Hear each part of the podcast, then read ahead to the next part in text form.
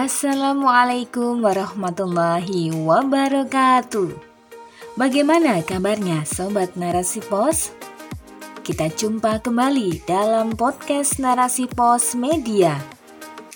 Narasipos.com Cerdas dalam literasi media, bijak menangkap peristiwa kunci. Bersama saya Titis Umnas dalam rubrik motivasi.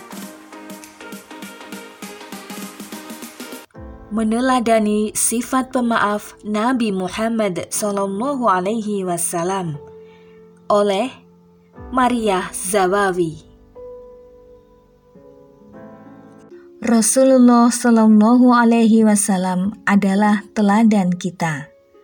Beliau adalah uswatun hasanah Segala tingkah laku maupun ucapannya adalah wahyu. Tidak ada satupun yang berasal dari hawa nafsu beliau. Ahlaknya terpuji, adabnya menawan hati.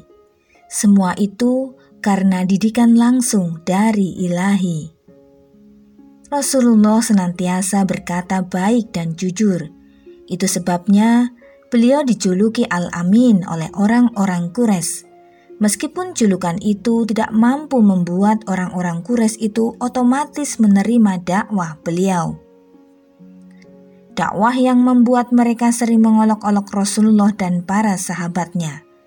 Meski demikian, Rasulullah Shallallahu Alaihi Wasallam tidak pernah membalas olok-olok mereka. Hal itu karena Rasulullah telah dididik langsung oleh Allah Subhanahu wa Ta'ala.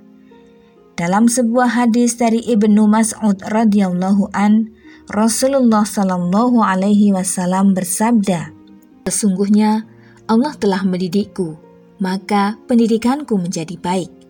Kemudian Dia telah memerintahkan diriku untuk berakhlak yang mulia. Maka Allah berfirman, "Jadilah pemaaf dan serulah orang-orang untuk berbuat yang ma'ruf serta berpalinglah dari orang-orang yang bodoh." Quran Surat Al-A'raf ayat 199.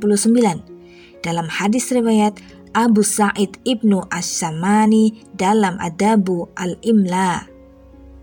Abdullah Muhammad As-Siddiq Al-Humari Al-Idrisi di dalam kitabnya Al-Ahadis Al-Mukhtara fi Al-Ahlak wa al-adab menjelaskan bahwa Allah Subhanahu wa taala telah memberikan pendidikan kepada Rasulullah. Melalui pendidikan dari Allah, Rasulullah menjadi lebih baik dari orang tua dan keluarganya. Allah yang telah mengurus beliau saat beliau dalam keadaan yatim piatu.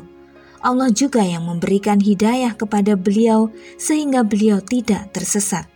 Hal ini telah dinyatakan oleh Allah dalam Al-Quran Surat At-Tuha ayat 6-8 dan Surat An-Nisa ayat 113. Kemudian beliau menjelaskan bahwa Rasulullah diperintahkan untuk menjadi orang yang pemaaf, yakni memberikan kemudahan kepada mereka yang berakhlak buruk kepada beliau. Di samping itu, tidak melakukan pembalasan atas keburukan mereka – sebab tidak ada seorang manusia pun di dunia ini yang tidak pernah berbuat salah. Karena itu, Rasulullah pun memerintahkan kepada kita untuk memaafkan siapa pun yang telah berlaku tidak baik kepada kita, hatta tidak membicarakan sikap buruk mereka ke orang lain, meskipun kita telah memaafkannya. Sebab jika hal itu kita lakukan, justru akan mendatangkan dosa ghibah pada diri kita. Rasulullah Shallallahu Alaihi Wasallam senantiasa menahan diri dari sikap keras hati mereka yang berbuat jahat kepada beliau. Beliau justru menganjurkan kepada mereka untuk berbuat baik. Beliau sampaikan kepada mereka untuk berakhlak baik dan melakukan perbuatan yang mulia. Misalnya, menjalankan sholat, bersedekah, bersabar, dan sebagainya. Bahkan, kita diperintahkan untuk mendoakan kebaikan bagi mereka. Sungguh, akhlak yang sangat mulia. Allah juga memerintahkan kepada Rasulullah untuk berpaling dari orang-orang yang bodoh, yakni tidak membalas kebodohan mereka dengan kebodohan pula. Ja'far As-Siddiq mengatakan bahwa di dalam Al-Quran tidak ada ayatnya membahas tentang berbagai akhlak mulia yang lebih lengkap dari ayat ini. Ada satu kisah bagaimana Amirul Mukminin Umar bin Khattab radhiyallahu an menahan kemarahannya setelah dibacakan ayat ini. Kisah ini terdapat dalam Sahih Bukhari. Ibnu Abbas meriwayatkan bahwa Uyainah bin Husan menemui keponakannya yang bernama Al-Hur bin Qais. Al-Hur bin Qais ini termasuk orang yang dekat dengan Amirul Mukminin Umar bin Khattab karena ilmunya. Ia termasuk salah satu anggota majelis syuro. Uyainah bin Husain meminta Al-Hur bin Qais untuk memintakan izin baginya bertemu dengan Umar bin Khattab. Sebenarnya Umar bin Khattab bukanlah seorang pemimpin yang sulit ditemui. Beliau sering berada di luar dan masyarakat bisa dengan mudah menemuinya. Namun, Uyainah bin Husain ingin bertemu secara pribadi, semacam pertemuan empat mata sehingga tidak di depan banyak orang. Ketika Al-Hur bin Qais berhasil mendapatkan izin, Uyainah bin Husain pun bertemu dengan Umar bin Khattab. Al-Hur bin Qais pun ikut dalam pertemuan tersebut. Saat itu, tanpa sopan santun, Uyainah bin Husain berkata kepada Umar bin Khattab, Berhati-hatilah engkau, wahai anak dari Khattab.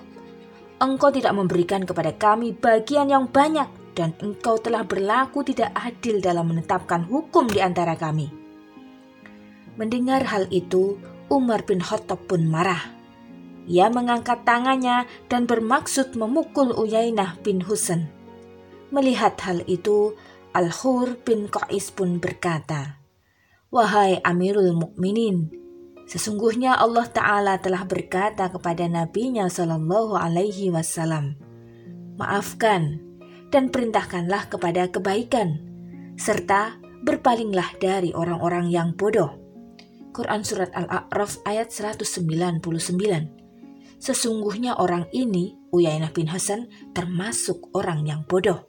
Mendengar perkataan Al-Hur bin Qais, Umar bin Khattab pun mengurungkan niatnya sambil berkata, Aku adalah orang yang melaksanakan perintah Allah dan Rasulnya. Uyainah bin Husain berkata seperti itu kepada Umar bin Khattab karena ia kecewa hanya mendapatkan bagian ghanimah yang sedikit.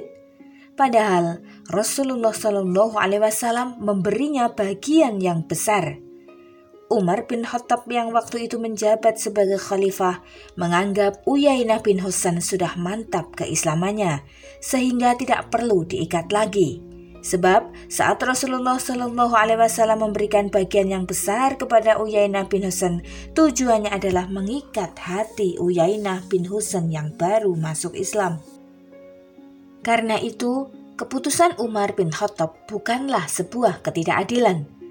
Namun, Uyainah bin Husain tidak bisa menerima hal itu dan memprotesnya. Itulah sebabnya Umar bin Khattab pun tersinggung dan marah karenanya. Namun, ketaatannya kepada Allah dan Rasul-Nya jauh lebih besar dibandingkan rasa marahnya. Maka ia pun mampu menahan kemarahannya itu. Memang tidak mudah menahan amarah serta memaafkan kesalahan orang lain. Namun, bukan berarti hal itu mustahil kita jalankan. Sebab yang harus kita lakukan hanyalah melatih diri kita secara terus-menerus agar memiliki sifat seperti itu. Jika kita mampu melakukannya, tidak ada balasan yang lebih indah selain dari surganya.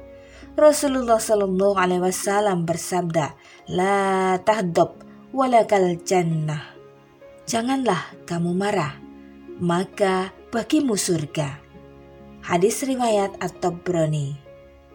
Wallahu a'lam bisawab.